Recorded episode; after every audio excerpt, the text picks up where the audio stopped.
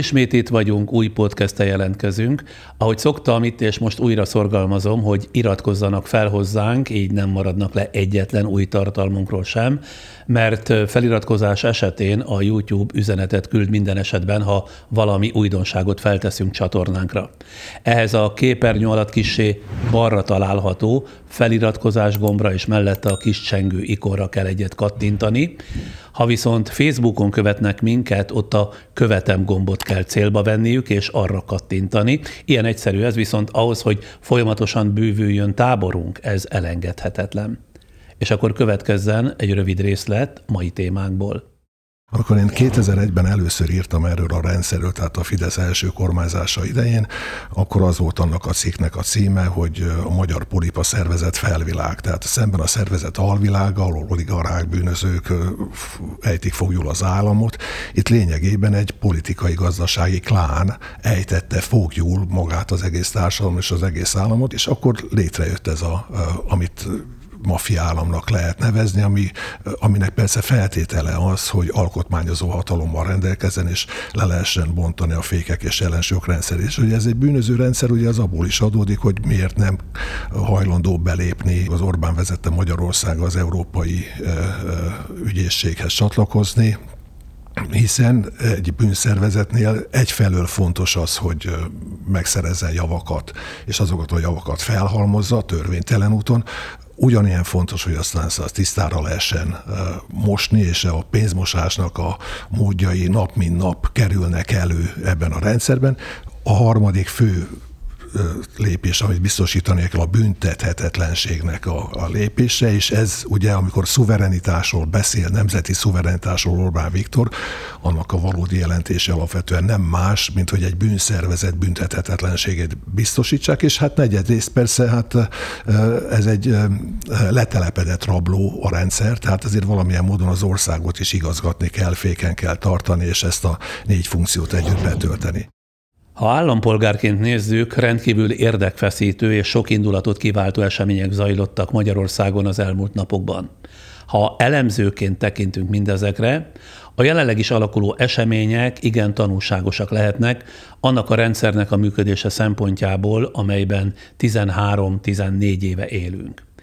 Ilyen elemzésre teszünk ma kísérletet Magyar Bálint szociológussal, aki sok évvel ezelőtt fajsúlyos könyveiben részletes és átfogó tudományos leírását adta ennek a rendszernek, amelyet ő maffia államnak nevez. Mint azt önök is tudják, az elmúlt napokban lemondott Novák Katalin köztársasági elnök és Varga Judit volt igazságügyi miniszter, aki a tervek szerint a Fidesz listavezetője lett volna a június 9-i európai parlamenti választásokon. Novák Katalin azért kényszerült lemondani, mert kegyelmet adott egy pedofil bűnöző segítőjének, a Varga Judit pedig azért, mert igazságügyi miniszterként ellenjegyezte ezt a kegyelmi kérvényt, azaz a kormány nevében jóváhagyta Novák Katalin döntését.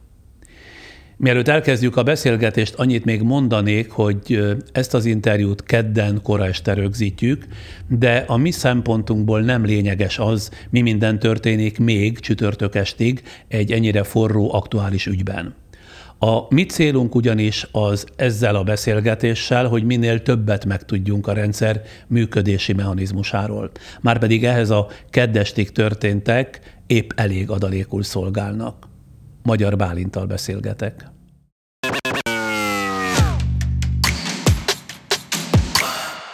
Itt az a szokás, hogy mielőtt belekezdünk a beszélgetésbe, a vendég legfőbb életrajzi adatait ismertetem, hogy legyen a nézőknek, hallgatóknak támpontja vendégünkhöz. Úgyhogy jön Magyar Bálint életrajza.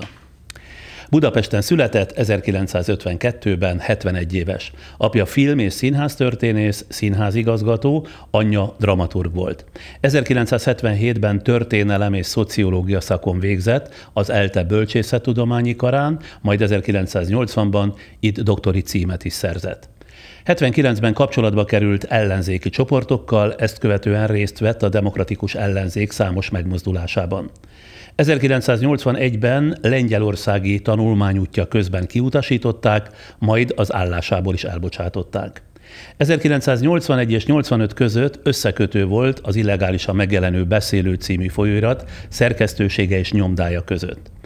82-től 87-ig a Szövetkezeti Kutatóintézetben, majd a Pénzügykutató RT-nél tudományos munkatársként dolgozott. 1988-ban a Szabad Kezdeményezések Hálózata megalapítóinak egyike volt, később a Demokratikus Ellenzék pártá szervezését irányította. A rendszerváltás programjának egyik kialakítója, az ellenzéki kerekasztal egyik képviselőjeként részt vett a rendszerváltásban. 96 és 98 között művelődési és közoktatási miniszter volt. 98 és 2002 között az SDS elnöke, a liberális internacionálé alelnöke volt. 2002 és 2006 között ismét oktatási miniszterként dolgozott. 2006-tól a Nemzeti Fejlesztési Tanács és a Fejlesztéspolitikai Irányítótestület alelnöke, 2007-től a miniszterelnöki hivatal államtitkára volt. 2009-ben kilépett az SDS-ből, majd társaival megalapította a Szabadelvű Polgári Egyesületet. Könyvei közül a legfontosabbak 1980-ban a lengyel mezőgazdaság 1945 utáni történetét feldolgozó könyvével egyetemi doktori címet szerzett, 1986-ban Duna Apáti 1944-58 című dokumentum szociográfiáját a Magyar Szociológiai Társaság Erdei Ferenc díja jutalmazta, 1988-ban a Dunánál című Siffel Pállal közösen készített dokumentumfilmje a Magyar Játékfilm szemlén a Társadalmi Zsűrű külön díját, valamint a Kritikusok díját is elnyerte. 2013-ban a Magyar Polip a posztkommunista maffiállamról szóló könyvet jelentetett meg, társzerzőkkel és társzerkesztőkkel együttműködve. 2015-ben a Magyar Maffiállam anatómiája címmel jelent meg kötete, 2021-ben Madlovics Bálint szerzőtársával a posztkommunista rendszerek anatómiája egy fogalmi keret címmel írt könyvet, 2022-ben pedig ismét Madlovics Bálintal megírták a kis posztkommunista rendszer határozó Aktorok, intézmények, dinamika című könyvét. Ez utóbbi könyvek öt idegen nyelven jelentek meg. Nagyjából akkor rendben volt ez az életre, stimmel? Igen, 2000-ig voltam elnöke a pártnak, de egyébként teljesen stimmel. Köszönöm a kiigazítást, akkor váltsunk a mai témánkra, illetve ezeknek a napoknak az eseményeire. Ön szerint melyik verzió az igaz? Novák Katalin, köztársasági elnök, és Varga Judit volt ö, igazságügyi miniszter, volt Fideszes EU-lista vezető, lemondott, vagy lemondatták őket? Hát egy ilyen rendszerben talán úgy lehetne megfogalmazni, hogy elengedték a kezüket. Ez azt jelenti, hogy semmilyen további védelemre magától, attól a szervezettől, amit Orbán Viktor vezet, nem számíthatnak, és ezek után gondolom jobb volt, hogy le is mondtak. Ezt érzékeltetik ilyenkor, vagy pedig kifejezik, tehát ki is mondják, hogy nektek távozni kell? Az, hogy egy ilyen távozásnál maga a párt propaganda gépezete beindul a személyek ellen, az azt jelenti, hogy lényegében nem volt más választásuk. A pár propaganda gépezete, hogy beindult, mikből lehet tudni? Hát ugye ennek a propagandagépezetnek a, a feje Rogán Antal, egyszerre a propagandagépezet feje és a titkosszolgálatok feje is egyben. Ez azt jelenti, hogy a fényezés és a sározás egyaránt egy kézben összpontosul ebben a rendszerben, és az, hogy ahogyan utána a rendszer szócsövei nyilatkoztak, akármelyik őjükről, az jelezte, hogy védelemben tovább nem részesülnek. Az ügy hátteréről és körülményeiről elég sokat tudunk, és a rendszer csak nem másfél évtizedes működés alapján a logikánkat is tudjuk használni. Két embert, ráadásul két nőt felemelt a hatalomba, majd brutálisan letaszított onnan Orbán Viktor, mert ugye nem tévedünk mi mind, akik azt gondoljuk, hogy Orbán Viktor áll az egész ügy hátterében, még akkor is, ha napok óta Orbán Viktor nem szólalt meg, legalábbis felvételünk ideig, tehát keddestig biztosan nem. Az alapvető kérdés, ami ez ügyben felmerül, hogy Orbán Viktor tudott-e arról, ez az ő engedélyével történt-e a kegyelemben részesítése K. Endrének. Én nem vagyok benne biztos, hogy erről ő tudott volna. Ha ő tudott volna, és az ő engedélyével történik, és mégis kitör egy ilyen botrány, akkor más módon történt volna az elbocsátás. Mit árul el a legfőbb közjogi méltóság és a kormány egyik minisztere, volt minisztere önállóságáról ez az ügy, illetve mit árul el az Orbán által olyan sokat emlegetett szuverenitásról? Hát egy ilyen rendszerben, egy patronus kliens hálóban gyakorlatilag senkinek nincs önállósága nem csak az igazságügyi miniszterként Varga Judit, illetve elnökként, köztársaság elnökként kiválasztott Novák Katalin részéne nincsen semmilyen önállóság, szuverenitás, hát hogy mondjam, engedélyezve. A feltétlen lojalitás az, ami alapján valakik ezekben a pozíciókban maradhatnak. De az, hogy folytonos lojalitást kell tanúsítani, ez mit jelent, vagy mit jelent egy köztársasági elnök részéről? Hogyan kell neki a lojalitását bizonyítania? Például, amikor ez a tavaszi, múlt tavaszi kegyelemben részesítés történt, akkor egy csomagban több ügy volt. Budaházi esetében látszott, hogy ezt valószínűleg letárgyalták másútt is, tehát Orbán Viktor szintjén le lett tárgyalva, hogy egy terroristát elengednek és kegyelemben részesítenek.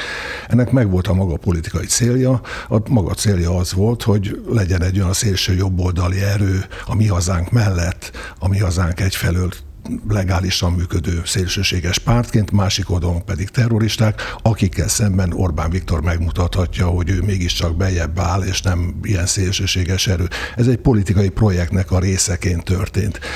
Én feltételezem, hogy ez a KND-nek a kegyelemben részesítése, ez nem jutott el arra a szintre, valószínűleg egy rendszeren belüli hiba volt, Varga Judit minisztériuma ezt ellenezte, majd Novák Katalinán Való Zoltán közbejárására ez meg megtörtént, és ennek nyomán Varga Judit feltételezhette, hogy ez valami felsőbb beleegyezést is jelent, és ez megtörtént. De ilyen tétova módon tud működni egy ennyire szorosan fogott rendszer? Tehát amikor először Varga Judit igazságügyminiszter elé kerül ez a bizonyos kegyelmi kérvény, akkor ott mindenképpen ugye föltűnt, hogy ez egy milyen ügy, ez a Fidesz politikának egyik legfontosabb, legérzékenyebb pontját érintő ügy a gyermekvédelem kapcsán. Tehát ott az az önhíre, hogy első körben ezt Varga Judit ellenezte, tehát nem akarta aláírni. De akkor miért kerül fel a köztársasági elnök, vagy az automatizmus? Azt hiszem, hogy automatizmus oda kerül, és aztán ennek nyomán dönthet másképp a köztársasági elnök, hiszen formailag az ő jogosítványa az, hogy ezekben az ügyekben döntsön természetesen szuverenitás ebben a rendszerben nincsen, és ezt mondjuk Magyar Péter interjújából eléggé erősen lehetett látni. Én egy bűnszervezeti működésnek tekintem alapvetően a rendszer működését, amelyben... A mostani rendszer működését. A mostani rendszer működését, amely révén hát a hatályos törvények szerint is bűncselekmények sorozata történik a személyes vagyon felhalmozás érdekében.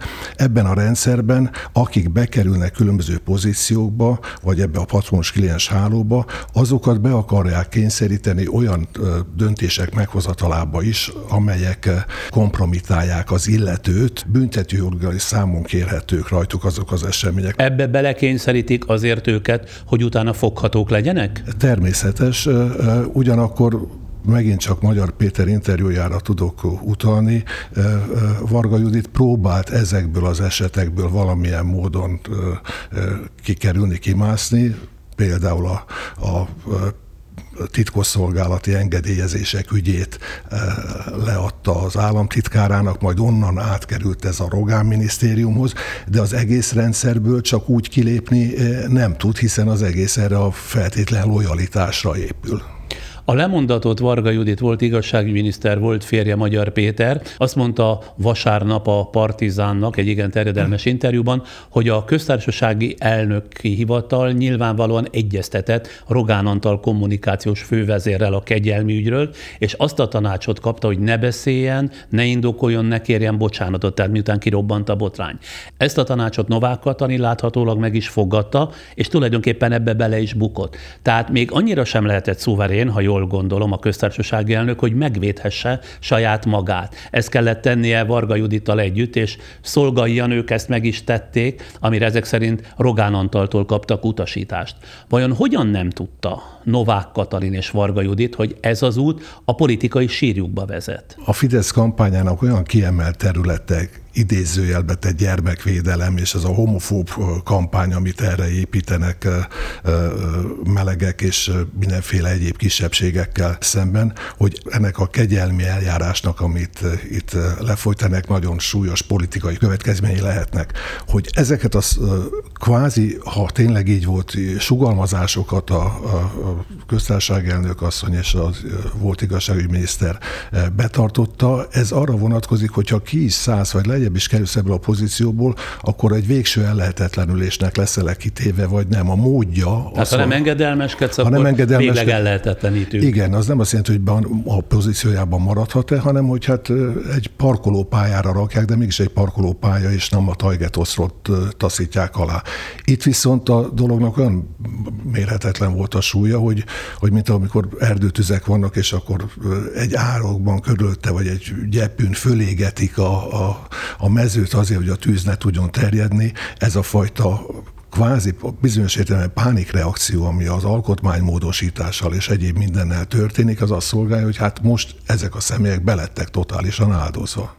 Balogh Zoltán püspökről, a Magyarországi Református Egyház zsinata lelkészi elnökéről, aki ezt megelőzően az Emberi Erőforrás Minisztériumának vezetője, tehát minisztere volt, az a hír járja, hogy köztársasági elnökként Novák Katalin tanácsadója volt, tehát ők megőrizték még a minisztériumban szerzett jó kapcsolatukat. Róla azt állították névtelen fideszes források, hogy Balogh Zoltán rábeszélte Novák Katalint arra, hogy adjon kegyelmet a szintén református pedofil segítőnek. Csak hogy ma, amikor itt beszélgetünk és fölveszük ezt az interjút, Balogh Zoltán püspök eltolja magától ezt az egészet, tehát hogy ő nem vett abban részt, hogy rábeszélje Novák Katalin köztársaság elnököt a kegyelmi kérvény aláírására. Akkor mégiscsak Orbán felé mutatnak, vagy legalábbis a felső vezetés felé mutatnak a szálak, nem? Én nem hiszem, tehát nem hiszem, hogy egészen Orbánig ez az ügy konkrétan egészen Orbán Viktorig nyúlt volna. Az, hogy az egyház hogyan fog viselkedni ebben az ügyben, mi lesz Balogh Zoltán sorsa, az persze sok mindentől függ. Az egyházak ugyanakkor kliens egyházá válnak ebben a rendszerben, tehát az autonómiájukat gyakorlatilag elvesztették. Ez az egyház végül is ennek a reakciója valószínűleg szintén alá lesz vetve annak a politikai elgondolásnak vagy számításnak, amelyet tehát már most már Orbán és Rogán szintjén döntenek el. Én még mindig kötekednék egy kicsit, ugyanis Varga Juditot kétszer is megjárta ez az ügy, ennek az ügynek az aktája, tehát a kegyelmi kérvény. Egyrészt, amikor ő felterjeszti, illetve ön azt mondja, hogy első körben ő nem javasolta ezt a kegyelmi kérvényt aláírni a köztársasági elnöknek, de másodszor is ellen kell jegyeznie, amikor már a köztársasági elnök aláírja. Tehát ha máskor nem, akkor ő tiltakozhatott volna, mert hogy Balog püspök befolyását Varga Juditra nem volt képes, nem lehetett, hogy kiterjessze de ő egyébként gondolhatta úgy, hogyha Novák Katalintól egy igennel jön vissza, hogy ez legfelső politikai szinten le van játszva ez a történet. Ez nem menti azt, hogy ő ezt támogatta, illetve inkább csak magyarázni kívánom, hogy mi motiválhatta abban, hogy mégis engedett. Az emberek nagy része lényegében ebben a rendszerben egy csapdában van, hiszen olyan dolgokat kényszerítenek rájuk, amiket nem feltétlenül szeretnének megtenni. Tudni lehet, hogy a kronológiát folytassam, hogy Orbánék, ahogy kipattant a botrány, már a múlt héten elkezdték szondázni a közvéleményt az ügy és a két főszereplőnek látszó személy Novák Katalin és Varga Judit megítéléséről. Az természetes, természetes, mondom én, hogy minden kormány, sőt minden politikai alakulat végeztet közvéleménykutatásokat, de az rendben van-e, hogy egy erkölcsileg ennyire egyértelmű ügyben nem erkölcsi vagy jogi szempontok alapján döntenek, hanem csak a hatalmi érdekek vezérlik őket, tehát az, hogy a Fidesz hatalmát konkrétan veszélyezteti-e az, ami történt. Hát szerintem számukra különösebben erkölcsi értékek nem léteznek, ellenben mindent mérnek, van pénzük is rá, van apparátusuk is rá, és ezt megteszik, és ha úgy érzik, hogy egy-egy ügy az így történik, akkor lépnek ez ügyben. Ez a propaganda, a pedofilok elleni harc az hihetetlenül föl volt pörgetve. Gondoljunk csak a könyvek befóliázására, a könyvterjesztők milliós pénzbírságára, stb. stb. Tehát rengeteg ilyen eset volt. Másrészt a szereplőknek a magas pozíciója teszi azzá. Ráadásul, hogy két női politikusról van szó, akiknél egyébként a, a saját PR-juk kialakításában a család, a gyerekek hangsúlyosabban jelennek meg, mint mondjuk férfi politikusoknál. Ez még inkább az egész politikának az álszentségére mutatott rá, és ilyen módon hamis voltára.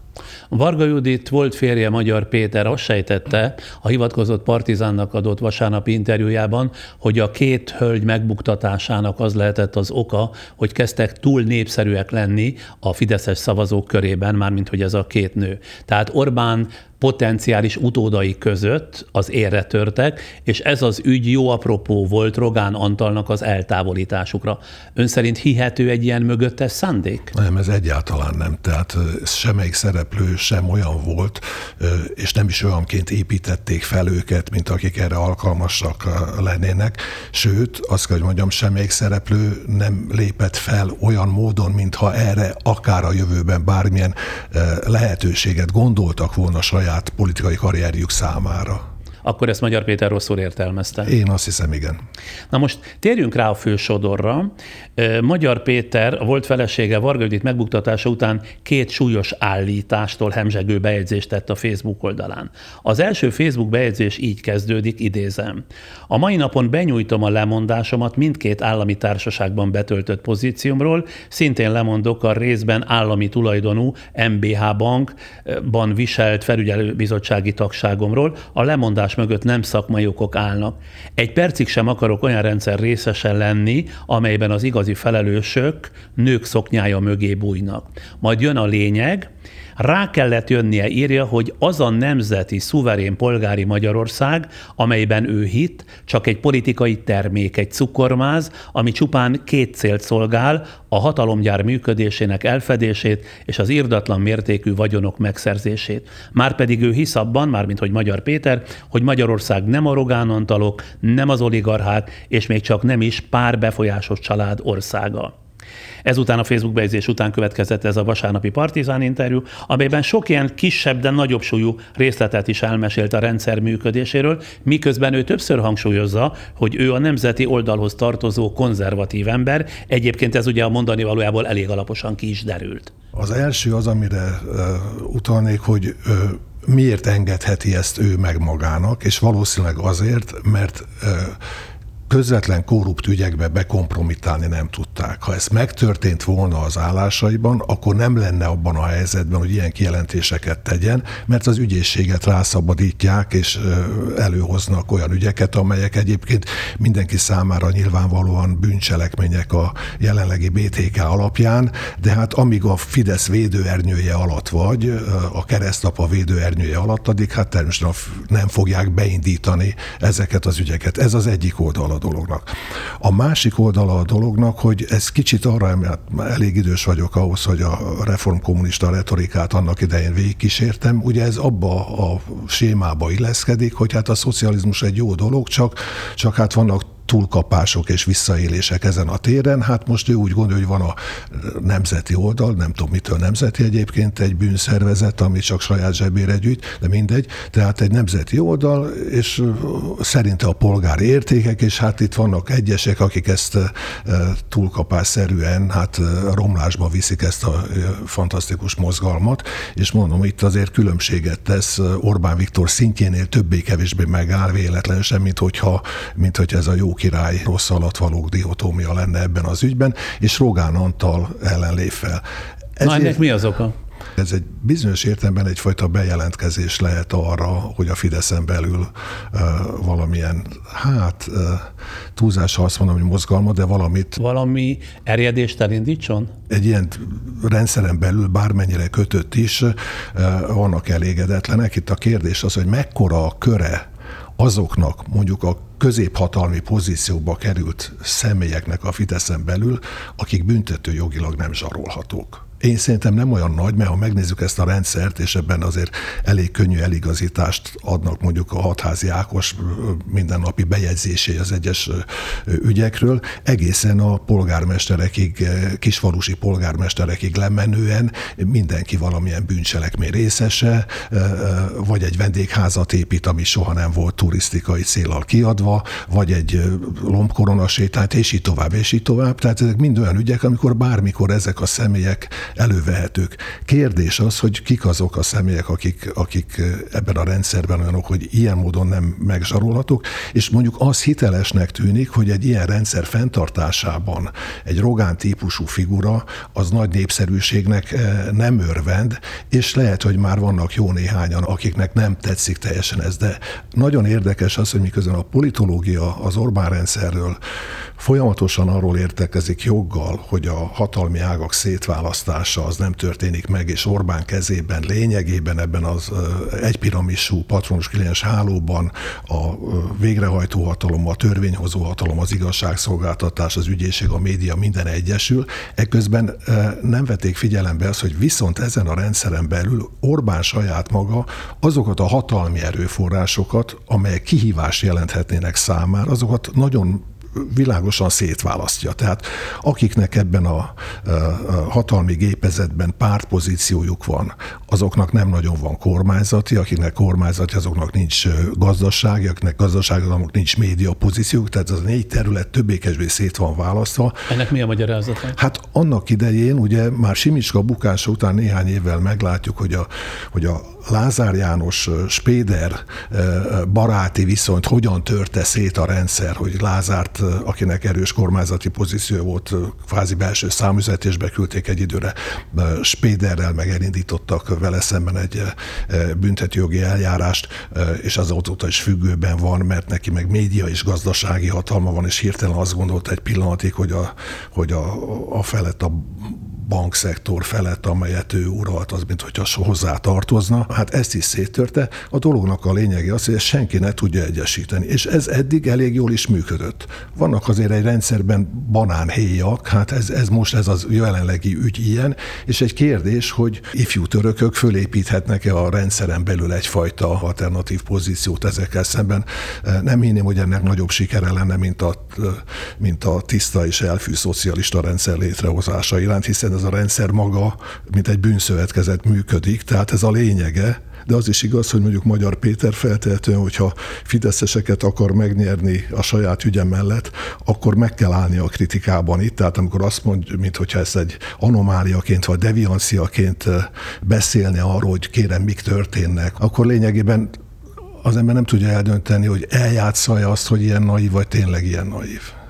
Ha nem csal azért az emlékezetem, és ez Magyar Péter mellett fog szólni, sohasem voltunk idáig tanúi hasonló magatartásnak, hogy egy a Fidesz belső köréhez tartozó, hanem is a legbelső körében mozgó ember nyíltan szembeforduljon a rendszerrel. Ön Magyar Péter kiállását egyértelműen úgy értékeli, hogy neki ezzel célja van? Lehet abban a narratívába is helyezni, hogy a volt feleségét ért méltatlan bánásmód miatt ez egy érzelmi nekibuzdulás, hogy erről beszél, de lehet úgy is értelmezni, hogy egyben ez egy szondázási kísérlet, hogy milyen ezután, hogy vajon lesznek olyanok, akik, akik valamilyen módon hát köré gyűlnek egy ilyen történetben. Azt azért igen jellemzőnek tartom, és itt most egy oldalvágást tennék, hogy a budapesti liberális értelmiség hangadó is, meg a baloldali kommentelők hada, és most azt kiabálja, legalábbis olvasom, hogy miért nem akkor volt bátor Magyar Péter, amikor haszonélvezője és a maga helyén működtetője volt a rendszernek, meg hogy az egyik Zsoltból most beáll a másikba, amin nem pontosan tudom, hogy mit kell érteni.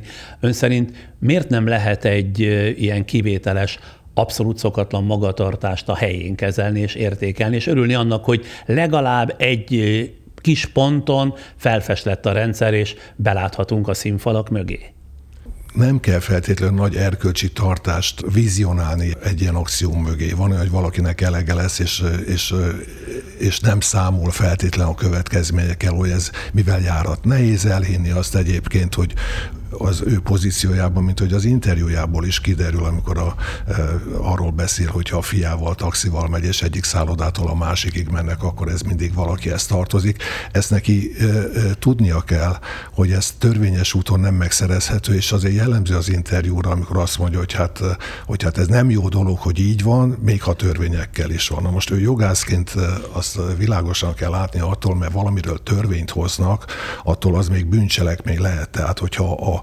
MOL mondjuk megalkotja a hulladékgazdálkodás koncepcióját, majd egy meghatározott ügyvédi társasággal megírják az erre vonatkozó törvényt, ezt benyújtják a parlamentnek. A parlament kétharmadal Orbán Viktor támogatása mellett természetesen elfogadja, majd a MOL megkapja a teljes hulladékgazdálkodást, majd utána megemeli az árakat, nem tudom milyen mértékben, amelyek a, a gazdasági vállalatok, ipari üzemek számára többszörösét jelentik a kötelezettségeknek, mint mondjuk Ausztriában vagy másút nyugaton, akkor ez, ez attól, mert le van papírozva valami, az még nem jelenti azt, hogy az nem egy bűncselekmény, ami során megvalósul, és ezt ő neki azért elég világosan kellett látnia, hogy ez, hogy ez így van. Egyébként pont az a pozíció, amit a diákhitel RT élén betöltött. Az Magyar jel, Péter? Magyar Péter, igen. Jelzi azt, hogy, hogy a Orbán rendszer számára a lojalitás volt az első. Amikor a Fidesz az első kormányzása alatt létrehozta ezt a szervezetet, akkor kinevezett oda egy igazgatót 2001-ben. 2002-ben jött a kormányváltás, én oktatási miniszter lettem, és miután ez egy jó szakember volt, mi meghagytuk a helyén. 2010-ig a helyén is volt. Majd jött az Fidesz győzelme, és utána ezt a szemét eltávolították, és a Fidesz rögtön leváltotta azért, mert az ő értékrendjük szerint neki fel kellett volna mondania, és nem kooperálni a másik kormányjal. Mármint, hogy önökkel. Hogy velünk, igen. Aha. Tehát rögtön hiába volt jó. Hiába nevezték ki ők eredetileg, hiába volt jó szakember, pusztán attól, mert mi megtartottuk, ezért megszabadultak tőle, aztán később, amikor hiány volt valami más pozícióba behelyezték. Tehát Magyar Péter azért láthatta, hogy ez a rendszer hogy működik, hogy, a, hogy az első szempont a lojalitás. Ha jól értem, Magyar Péter azt mondta, amit ön 20 évnél is régebben állít, hogy Magyarországot mafiózók vezetik, ugye? Ezt mondta ebben a vasárnapi partizános interjúban, akik mafiállamot működtetnek. Idézem, kialakulhat az normálisan egy országban, hogy pár családé az ország fele? Szerintem nem. Hogy amikor autózunk a fiammal, mármint Magyar Péter a gyerekeivel, és a gyerek megkérdezi, hogy ez a szálloda ki, megmondom, hogy ki, és amikor elmegyünk a második előtt, mondom neki, hogy ne kérdezd meg a harmadiknál, mert ugyanazé, és ezek csak szállodák, ezek nem a balkáni irodaházak, nem az alapkezelők, nem a bank, nem a Waberers, Szerintem ez így nincs rendben. Mondom, ez tőzsgyökeres, meggyőződéses, jobboldali, konzervatív emberként, mondta tehát Magyar Péter ebben a vasárnapi partizán interjúban. És hogy a miniszterelnök veje elsőszülött lányának férje Tiborc István Elios ügye csak bagó volt, semmiség ahhoz képest, ami azóta folyik. Aztán itt tovább is ment Magyar Péter, mert ma kedden már azt írta ki a Facebook oldalára, idézem, kedves István szólítja meg Tiborc Istvánt, a miniszterelnök vejét, te egy igazán tehetséges ember vagy. 37 évesen 100 milliárdjaid vannak, 100 milliárdjaid vannak, szállodák tömkelege, bank, alapkezelők, rengeteg egykori értékes állami ingatlan. A Waberers, a fél belgrádi irodapiac, még fel sem épült budapesti irodaházak, már előre kiadva állami cégeknek. És ugye ez csak, ami már a neveden van. Milyen egyéb cégeket veszel át mostanában? Összesen mennyi állami hitelt vagy támogatást kaptál, vettél át a portfóliód összerakásához? Úgy fogalmaz Magyar Péter ebben az interjúban, hogy megmagyarázhatatlan nekem, hogy a miniszterelnök családjában ilyen dolgok történnek. Ez mutatja, ez az idézet igazán azt, hogy hát az némi tudathasadás kell, hogy, hogy Tiburc gazdagodását Orbán Viktor személyétől el tudja választani valaki.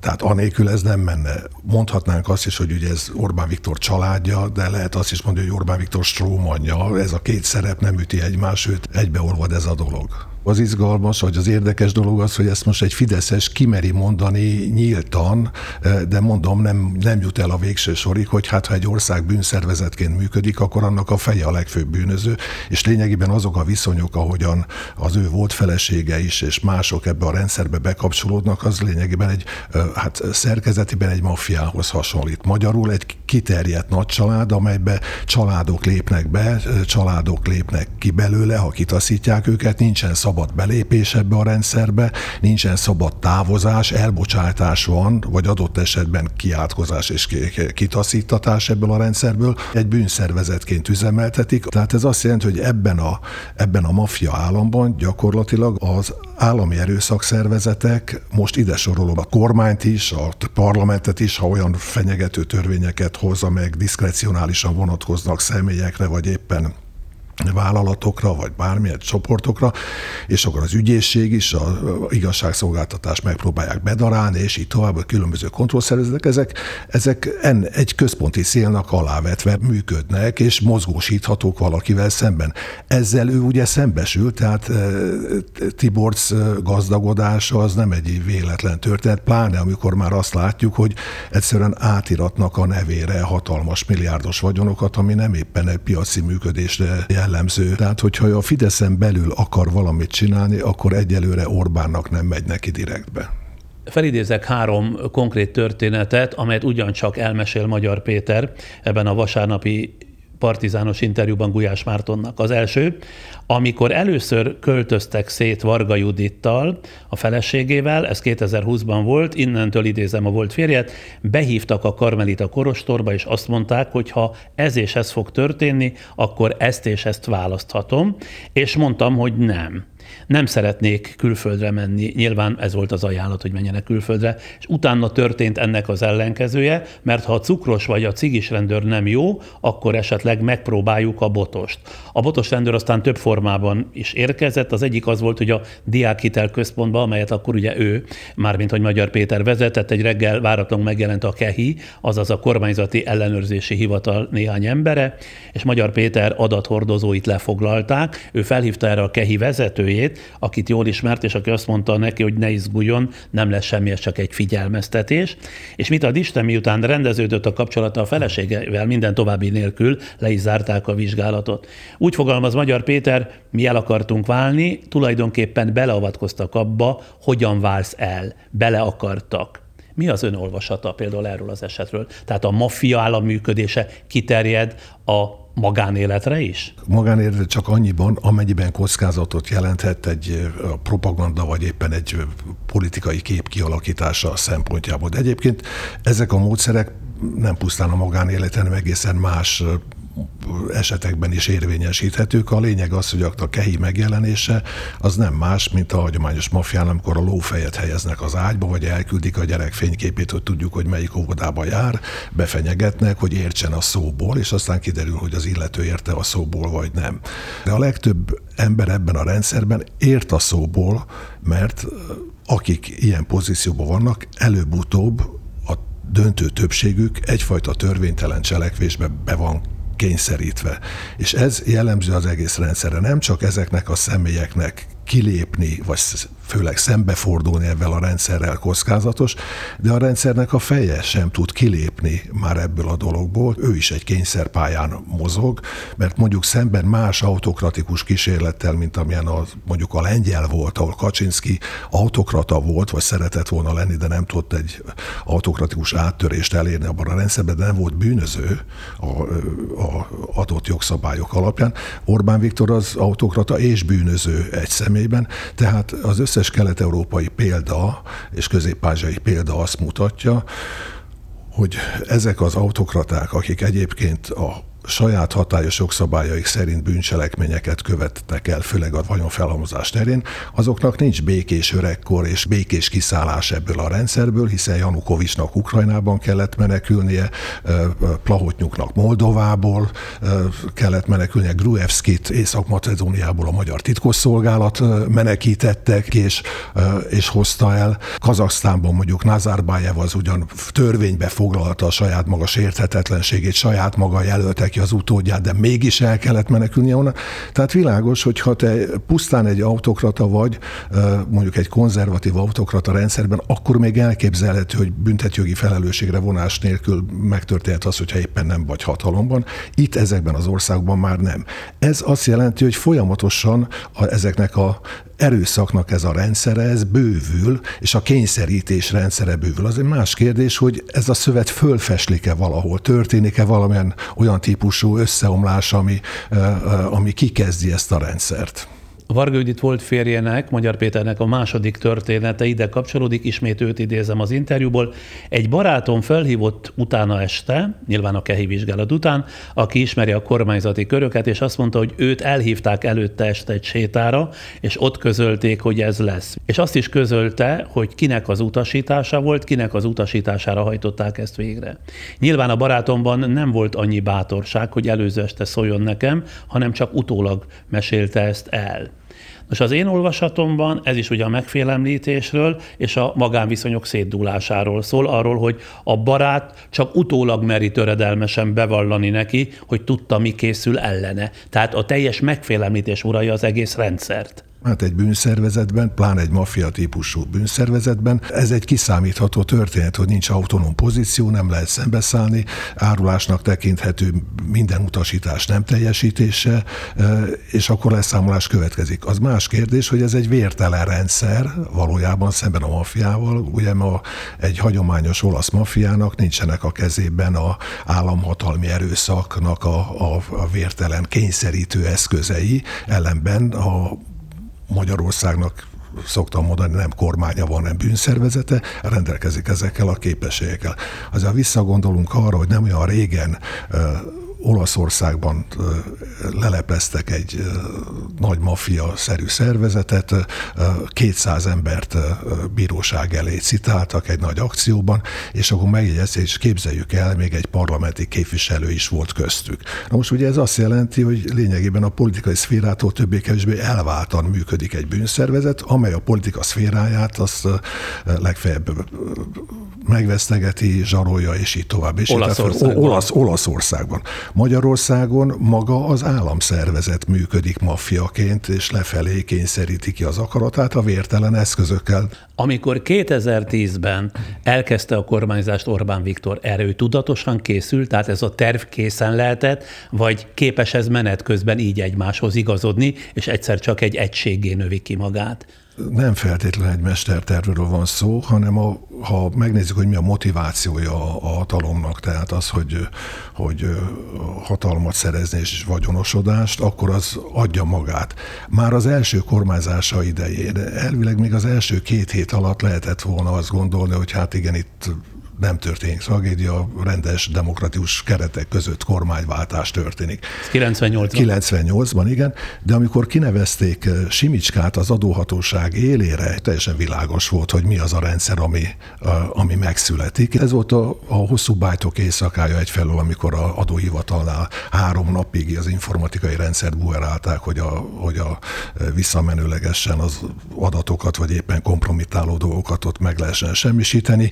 Amikor én két 2001-ben először írtam erről a rendszerről, tehát a Fidesz első kormányzása idején, akkor az volt annak a cikknek a címe, hogy a magyar polipa szervezet felvilág, tehát szemben a szervezet alvilága, ahol oligarchák, bűnözők ejtik fogjul az államot.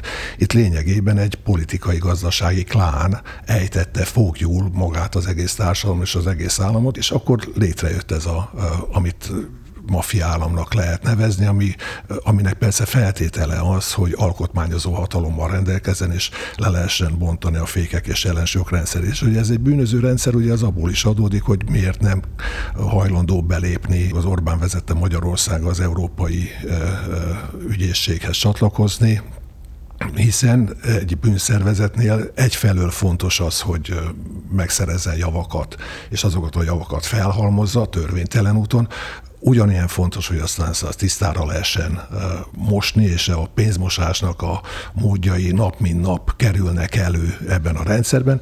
A harmadik fő lépés, amit biztosítani kell a büntethetetlenségnek a, a lépése, és ez ugye, amikor szuverenitásról beszél, nemzeti szuverenitásról Orbán Viktor, annak a valódi jelentése alapvetően nem más, mint hogy egy bűnszervezet büntethetetlenségét biztosítsák, és hát negyedrészt persze, hát ez egy letelepedett rabló a rendszer, tehát azért valamilyen módon az országot is igazgatni kell, féken kell tartani, és ezt a négy funkciót együtt betölteni. Visszatérve még mindig a KH-hoz, tehát Magyar Péter interjújához, a harmadik történet is a Diákhitel Központhoz kapcsolódik. Magyar Péter egy ideig ugye ennek a vezérigazgatója, és ebéli minőségében visszautasította Balázsi Gyula cégének kommunikációs ajánlatát. Ugye Balázsi Gyulának két cége van, a Newland Media Kft. meg a Long vagy Lunch Design Kft.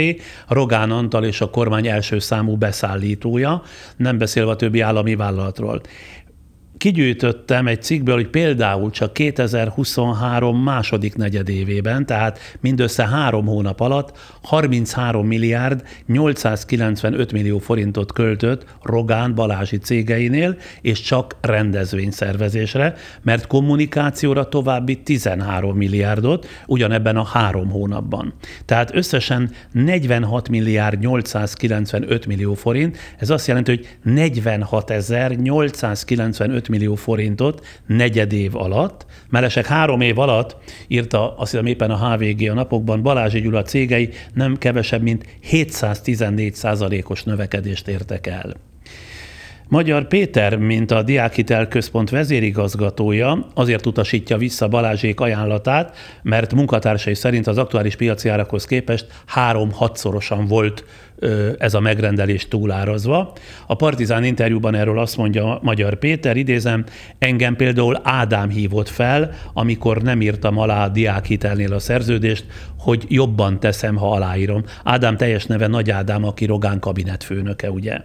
Ez nem fenyegetés volt baráti tanács, hogy ő aláírná a helyembe, folytatta Magyar Péter. A túlárazásnak oka van, és valószínűleg nem az, hogy Balázsi Gyula növelni akarja a nyereségét. Feltehetőleg Rogán kabinetfőnöke nem a pénzért aggódott, hanem egészen másért hogy ilyen típusú szerződéseket Magyar Péter nem írt alá, ezt tette lehetővé, hogy most ilyeneket egyáltalán nyilatkozhasson, anélkül, hogy az ügyészség eh, pont ezekért a szerződésekért, amiket eh, megpróbáltak rákényszeríteni, eh, elvigyék.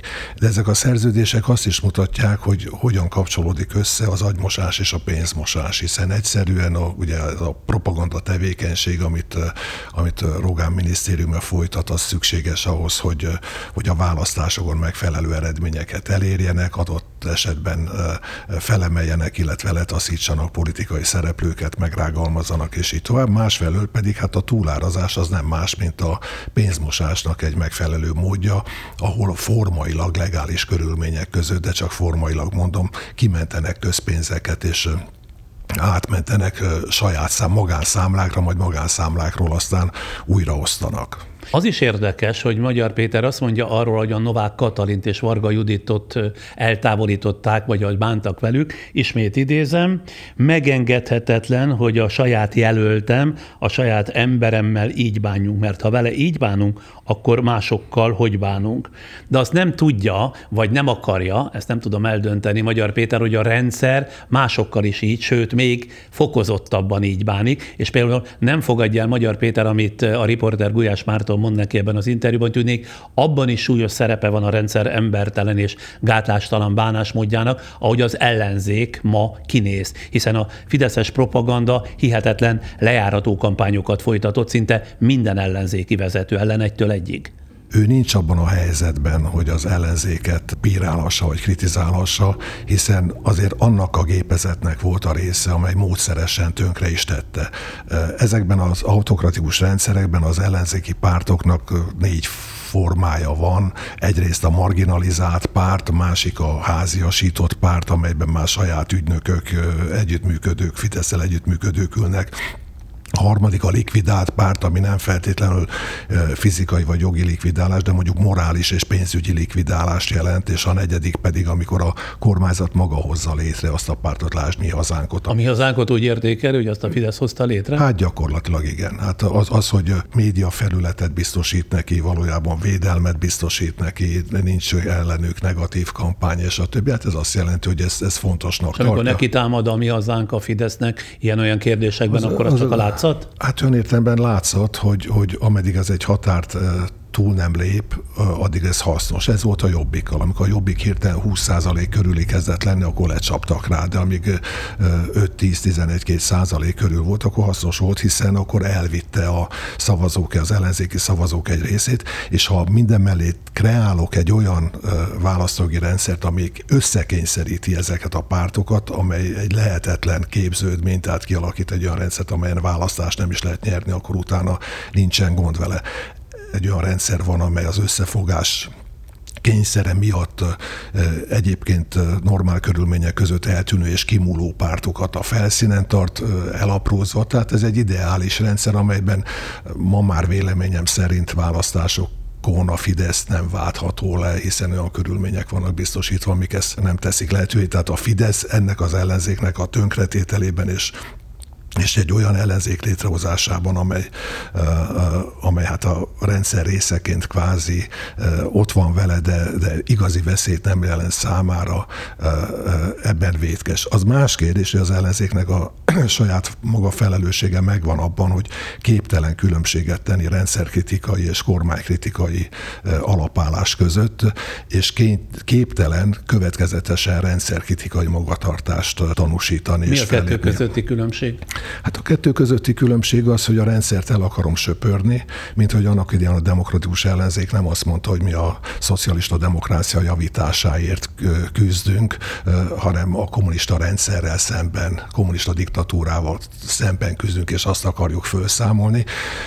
Úgy jelenlegi helyzetben az, hogy a nyelvüket átveszik egy az egyben az, az a kormánypártoknak, hogy eljátszuk azt a, a szerintem tarthatatlan szerepet, hogy most mi konstruktív ellenzék leszünk, és ami pozitív idézőjelben a kormány tevékenységében azt, azt elismerjük, ezek nem a rendszerkritikai alapálláshoz tartoznak, lényegében indirekt propaganda és indirekt igazolása a rendszernek. Akkor mi lenne a kívánatos magatartás ön szerint az ellenzék részéről? Először is megnevezem a rendszert, hogy ez egy bűnszervezet. Amíg ezt nem így tekintem, hanem tisztelt miniszterelnök úrnak szólítom, tisztelt képviselő úr, azt szeretném kérdezni, most megint visszamennék a, a demokratikus ellenzék időszakába.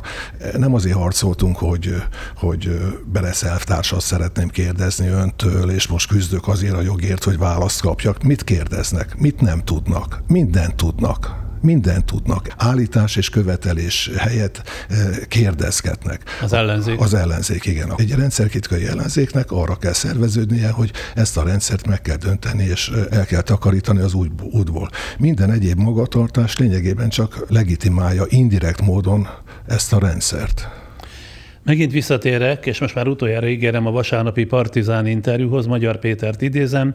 Ez egy becsontosodott rendszernek tűnik, de én ott voltam a 2022-es eredményváron, a 18-as eredményváron, és nem voltak nyugodt arcok. Nem véletlen volt az, hogy közérdekű alapítványokba szervezik az egyetemeket, hogy ment ez az előkészület, hogy mi van, ha mégsem nyerünk. Tehát azért a bizonytalanság ebben a rendszerben is ott van, annyira nem magabiztos, legalábbis, hogy Magyar Péter leírja. Ugye Orbán Viktor úgy gondolta, hogy hát többszörösen be kell biztosítani a magát, mindaz, ami 18-ban eh, nyújtott a választások előtt nem lesz elég, eh, ezért körülbelül két-két és fél százalékát az GDP-nek ajándékba kiosztotta az ember. Példátlan, ilyen körülmények között választást nem lehet eh, elveszíteni gyakorlatilag. Ehhez persze jött az orosz-ukrán háború, az orosz agresszióval, akkor ott rátelepültek arra, hogy ők a békepártiak szemben, a, szemben az ellenzékkel, amely, amely háborúpárti, és hát az, hogy a kampányra egyébként és a saját szervezeteikre költöttek kb. 50-szer kötőjel 100-szor annyi pénzt, mint az egész ellenzék együtt egyfelől, plusz ez a pénzosztogatás, ami, ami 1700 milliárd forint körüli összeg volt, amit kiosztottak, ez, ez azt a riadalmat mutatta, hogy nekünk többszörösen be kell biztosítani magunkat, mert ha változás jön, akkor az büntetjogi felelősséggel jár. És ha megnézik azt, hogy, hogy ezt a rendszert azért mi is tartja egybe, azért elég jelentős mértékben az, hogy ez a patronos kliens háló ez alatt a 11 néhány év alatt az alsó szintekig kiépült, meg mondjuk, ha vesszük azokat a vidéki polgármestereket, akik ilyen korrupt üzletekben részt vettek, azoknak egy jelentős kockázat mi van, ha itt változás történik. Mi van, hogyha az ügyészség az egyszerűen végezhetné a dolgát szabadon, és nem lenne alárendelve egy bűnszervezetnek, vagy nem annak a rendszernek a része lenne akkor ehhez képest persze érvelhet az ellenzék ott bármivel, hogy, hogy a falunak hogy lesz jobb, vagy mit csinálnánk, vagy mi lenne másképp, meg hogy demokráciát építünk. Hát ez érdektelen ahhoz a fenyeget, egzisztenciális fenyegetéshez képest, hogy mi történhet velük. Ezért gondolom, hogy egy ilyen rendszer most már ezzel a beépítettséggel sima választásokon nehéz lebont, számítani, egy törés az bekövetkezhet valamikor egy rendszerű váratlan helyeken. A probléma az, hogyha egy ilyen megtörténik, akkor is nehéz elképzelni azt, hogy, hogy ki lehet az az alternatív szereplő, vagy szereplők, kik lehetnek azok, akikre rá lehetne mutatni, hogy jöjjenek ők az eddigiek helyett. Magyar Péter szerint a változásra, ha már a változásról beszélünk, olyan új középpártok megjelenésére, mint amilyen az MDF vagy az LMP volt, biztos lenne igény, csak kérdés, hogy vannak emberek, akik ebbe beleállnak, energiát fetszölnek, és főleg, hogy vannak olyan pénzügyi források, akik még erre hajlandóak áldozni. Ez egy jó kérdés, hogy Magyarországon, és ezt tulajdonképpen kérdezem is, van-e olyan vállalkozói réteg, amely nem függ egy bizonyos körtől? Ezt a kérdést egyébként Magyar Péter tette föl a Partizán interjúban. A korabeli információk szerint 2002-ben még volt ilyen nagy tőkés, aki a Fidesz egyik civilizáltabb politikusának ha jól emlékszem, felajánlotta a pénzügyi segítségét, ha alakít egy mérsékelt konzervatív pártot a fidesz szemben. Az, hogy van olyan vállalkozó, aki merne pártokat támogatni, ilyen nem nagyon van, hiszen kiszállhat hozzájuk bármikor adóhivataltól az ügyészségig bármi, és tönkre... Tehát akinek lenne pénz, az fél. Hát tönkre tehetik azokat a vállalkozásokat, ezen látsz, ez látszik abból is egyébként, hogy, hogy hirdetni se nagyon hirdetnek kormánykritikus médiában, pedig hát az egy elég, még az egy enyhébb formája a támogatásnak ahhoz képest, mint hogyha azt mondanánk, hogy egy politikai kampányba ténylegesen támogatóként beszáll. Most látszik, hogy a rendszer felkészült arra is, hogyha EU-s források nem lesznek, akkor akkor ami gyakorlatilag ezt az autokráciát és a lopás nagymértékben táplálta az elmúlt években, akkor mit csinálnak? És ami most az új módi, ha bár vannak ennek előképei, azok komplet ágazatoknak a lenyúlása és adóztatása. Ilyen volt korábban mondjuk az egész trafik és dohány kiskereskedelem kisajátítása, majd újraosztása a nemzeti dohányboltok révén, ahol a nagyok, kicsik egyaránt részesültek ebben a juttatásban. De most, ha azt nézzük, hogy mi történik az autópályákkal, mi történik a hulladékgazdálkodással, mi történik majd a jövőben, most a közepén vagyunk a vízgazdálkodással, ez azt jelenti, hogy ha egy ágazat annak a három közgazdasági feltételnek megfelel, hogy rugalmatlan a kereslet iránta, tehát az autópályán közlekednem kell, szinte akár mire emelik az árát. A második feltétel az, hogy monopolizálható legyen, a harmadik feltétel pedig az, hogy hatósági árakat lehessen rá kiszabni, akkor azt jelenti, hogy bevezetik azt a rendszert, ami nem más, mint állami erőszakkal történő magánadóztatás. Már azt sincs, hogy az állam beszedi magának az adót, majd azt diszkrecionális módon haveroknak szétosztja a kedve szerint. Már eleve maga az adószedés arra a területre, arra a területre irányul, ahol akiknek ezt biztosítani akarják. Tehát magáncégeket épít be ezek elé? Ma, ma magánszéket, hát mint hogy a, a, a MOL megkapta a, a hulladékgazdálkodást, a Mészárosék megkapták a, az autópálya gazdálkodást, és ugye látjuk, hogy a, a éves autópálya használati díj az Ausztriához képest az másfélszeres Svájchoz képest két és félszeres valami ilyesmit, tehát látszik, hogy monopól árat érvényesítenek ezen a részen. Lényegében a keleti nagy tőke beáramlás is ehhez kapcsolódik, mondjuk a Dubai, kis Dubai építése Budapesten, vagy pedig az akkumulátorgyárak is részben, hogy hát azoknak a beruházásoknak mondjuk, amit akkumulátorgyára szerveznek, kb. 8000 milliárd forint, abból hát biztos két-három ezer milliárd, talán még több is, amit olyan cégek tudnak elvinni Magyarországon, amelyek korábban Európai Uniós forrásokból voltak hízlalva. Mondhatnám azt is, hogy a termőföldjeinket ellopják, a vízünket eladják, és a vérünket szívják. Ha most arra gondolok megint egy kis ágazatra, hogy a, a vérellátás, vérplazma kereskedelem az le lett rabolva ennek a bűnszervezetnek által, és családi alapon kiszervezve Dubajba, és ahogy legutóbb ez megjelent, hogy valami 18 milliárd forintos haszont vagy profitot eredményezett egy év alatt. De valójában azt kell, hogy mondjuk, hogy, a, hogy szinte bármelyik nagy oligarha végső soron az Orbán családhoz is köthető, ha arra gondolom, hogy ténylegesen kirendelkezik a tulajdon felett.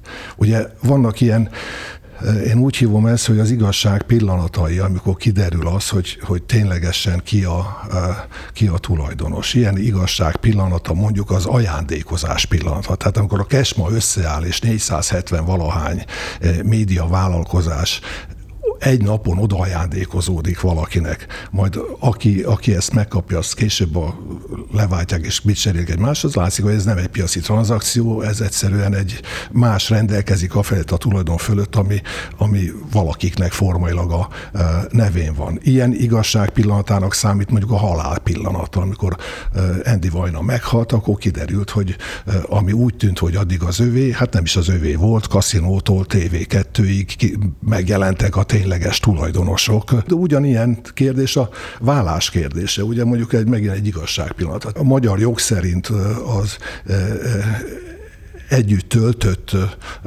szorgos évek alatt szerzett vagyont, ha elválnak fele-fele arányban osztoznák, hát amikor Mészáros Lőrinc elválik, akkor hát korán sem fele-fele arányban történt az osztozkodás, akkor egy ilyen pillanatban kiderül, hogyha megnézzük, hogy mennyi az elvált feleségnél maradó rész, hogy ténylegesen mennyi lehetett körülbelül, ami fölött Mészáros Lőrinc autonóm, úgynevezett szuverén módon rendelkezik. A többi nem az övé. Na most egy ilyen gazdaságban, amit én kapcsolati gazdaságnak hívok, semmilyen tulajdon sincs igazán bizonyos értelemben biztonságban. Itt tényleg csak a kérdés az, hogy szemet vete rá a hatalom, és érdemese beszállni abba a dologba. A beszélgetés egy adott pontján már erről beszéltünk, de Magyar Péter szerint ő nincs egyedül, mondja ő maga is a nemzeti érzelmű konzervatív fideszesek ifjabb generációjában. Ön szerint lehet-e bízni abban, hogy ez az ifjabb, felvilágosultabb, modern technokrata réteg, akiknek elegük van abból esetleg, hogy a fejük fölött ott van ez az Orbán, Rogán, Gulyás féle záró réteg, tehát hogy ez a réteg összeáll, és megpróbálkozik valami valami változást elérni a Fideszen belül? Nem hiszem, hogy anyagi források lennének, nem hiszem, hogy olyan jelölteket állíthatnak be mondjuk országgyűlési képviselőjelölteknek valódi versenyben, akik nincsenek letutizva a Fideszen belül. Hát hiszen ez a változás a Fideszen belül 2002-ben már megtörtént, amikor a pártelnöknek, tehát Orbán Viktornak kizárólagos jogosítványa lett a választókerületi kampányfőnökök kijelölése, a választókerületi, országgyűlési választókerületi jelöltek kijelölése, a pártlista összeállítás és a polgármesterek kijelölése. És amikor szimbolikusan is megtörténik az, hogy már a saját birtokára hívja ki őket egyenként egy-egy beszélgetésre, hogy elfogadja-e őket jelölteknek, hát ez a patronos kliens rendszernek is a szimbolikus megjelenése. Lényegében azt jelenti, hogy nem a Fideszhez, nem holmi eszmékhez kell lojálisnak lenni, hanem Orbán Viktorhoz kell lojálisnak lenni, és ebben a rendszerben a Fidesznek sincsen semmilyen testülete, amely mondjuk ezekről a listákról dönthetne ön szerint mi a kifutás ennek az egész botránysorozatnak? A két női politikus bukásától kezdve, meg amit Magyar Péter elmondott, és napról napra ugye publikál a rendszer tűrhetetlen működéséről, mindezeket le tudja csendesíteni a Fidesz a június 9-i európai parlamenti és önkormányzati választásokig? Ezek egyenként halmozódó esetek. A kérdés az, hogy ezek összekapcsolódnak-e. Az, hogy összekapcsolódnak-e, az az ellenzék rendszerkritikai magatartásán és nyelvén múlik. Elvileg fogadókészség volna erre, csak éppen nincs, aki ezt megjelenítse a politikának azon a szintjén. Szakpolitikai, közpolitikai indítéka a Fidesz semmilyen intézkedésének nincsen, csak ilyen következményei vannak, de erre az ellenzék soha nem, soha nem mutat rá. Azt szoktam néha mondani, hogy ha bankrablás történik, akkor az ellenzék azt mondja, hogy hát ezek az úriemberek a pénzfelvétel nem szakszerű módját választották. Na most, hogyha ezen a nyelven bírálom és kritizálom a kormányt, és azt mondom, hogy hát, hát tényleg a monetáris politika az nem megfelelő, mert akkor, akkor nem, az választók nem ismernek, nem ismernek rá eh, arra, hogy a saját nyomoruk, a saját problémáik, azok, eh, azok valójában eh, manifestálódni tudnának egy olyan ellenzéki csoportban, vagy politikai szervezetben, ami ezt képviselni tudná. Egyenként repülnek rá bizonyos ügyekre, azok nincsenek összekapcsolva az egész, és a rendszerkritikai alap az, hogy én még egyszer hangsúlyozom, úgy tekintek erre a kormányra, mint egy illegitim bűnszervezetre, vagy nem. Ha nem így tekintek rá, akkor szerintem ez itt tud maradni, nem tudom meddig. Tehát olyan nagyon nem optimista most ennek az ügysorozatnak a láttán? Ebből apránként kimászik a rendszer, még akkor is, ha természetesen veszteségeket szenved el, hogyha az ellenzék ilyen állapotban van, amilyenben jelenleg. Köszönöm szépen, hogy eljött és válaszolt a kérdéseimre. Én is köszönöm. Magyar Bálint szociológussal beszélgettem ma az Orbán rendszer és a maffia állam működéséről, működési mechanizmusáról. Ehhez kapcsolódik a hír, hogy holnap pénteken este 6 órakor civilek szervezte nagygyűlés lesz a Hősök terén. Ahogy a szervezők, ismert tartalomgyártók közleményükben írják, az elmúlt napok történései arra sarkalták őket, hogy együtt lépjenek ki az online térből. Nagyon nincs rendben, mondják ők, hogy a magyar közélet úszításból, gyűlöletkeltésből, karaktergyilkosságokból áll. Tehát nagygyűlés holnap este hatkor a Hősök terén, és már visszatérve saját kereteink közé, ha látják értelmét az ilyen és ehhez hasonló műsoroknak, beszélgetéseknek, mint amilyet az elmúlt több mint egy órában Magyar Bálintal folytattam, kérem támogassák műsorkészítésünket. Lehet támogatni egyrészt a képernyő alatt a köszönet gomb megnyomásával, de a patreon.com-on is, ha beütik a Friderikus Podcast oldalát, valamint itt a YouTube képernyője alatt a tartalomleírás követően is találnak néhány sort arról, hogy miként van lehetőségük hozzájárulni műsorkészítésünkhöz. Köszönjük szépen! A feliratkozás továbbra is ösztönzöm mind a YouTube-on, mind pedig a facebook.com-on, mivel mára egészen más téma volt betervezve, Taylor Swiftről, minden idők legkelendőbb női zenei előadójáról beszélgettem volna Fazekas Gergely zenetörténésszel, a Liszt Ferenc Zeneművészeti Egyetem docensével, aki kiváló Taylor Swift szakértő is. Nos, a közbejött országos fejlemények miatt a vele készült beszélgetés mához egy hétre, tehát a jövő csütörtökön este 8 órakor kerül önök elé. Ha csak az élet megint közben nem szól.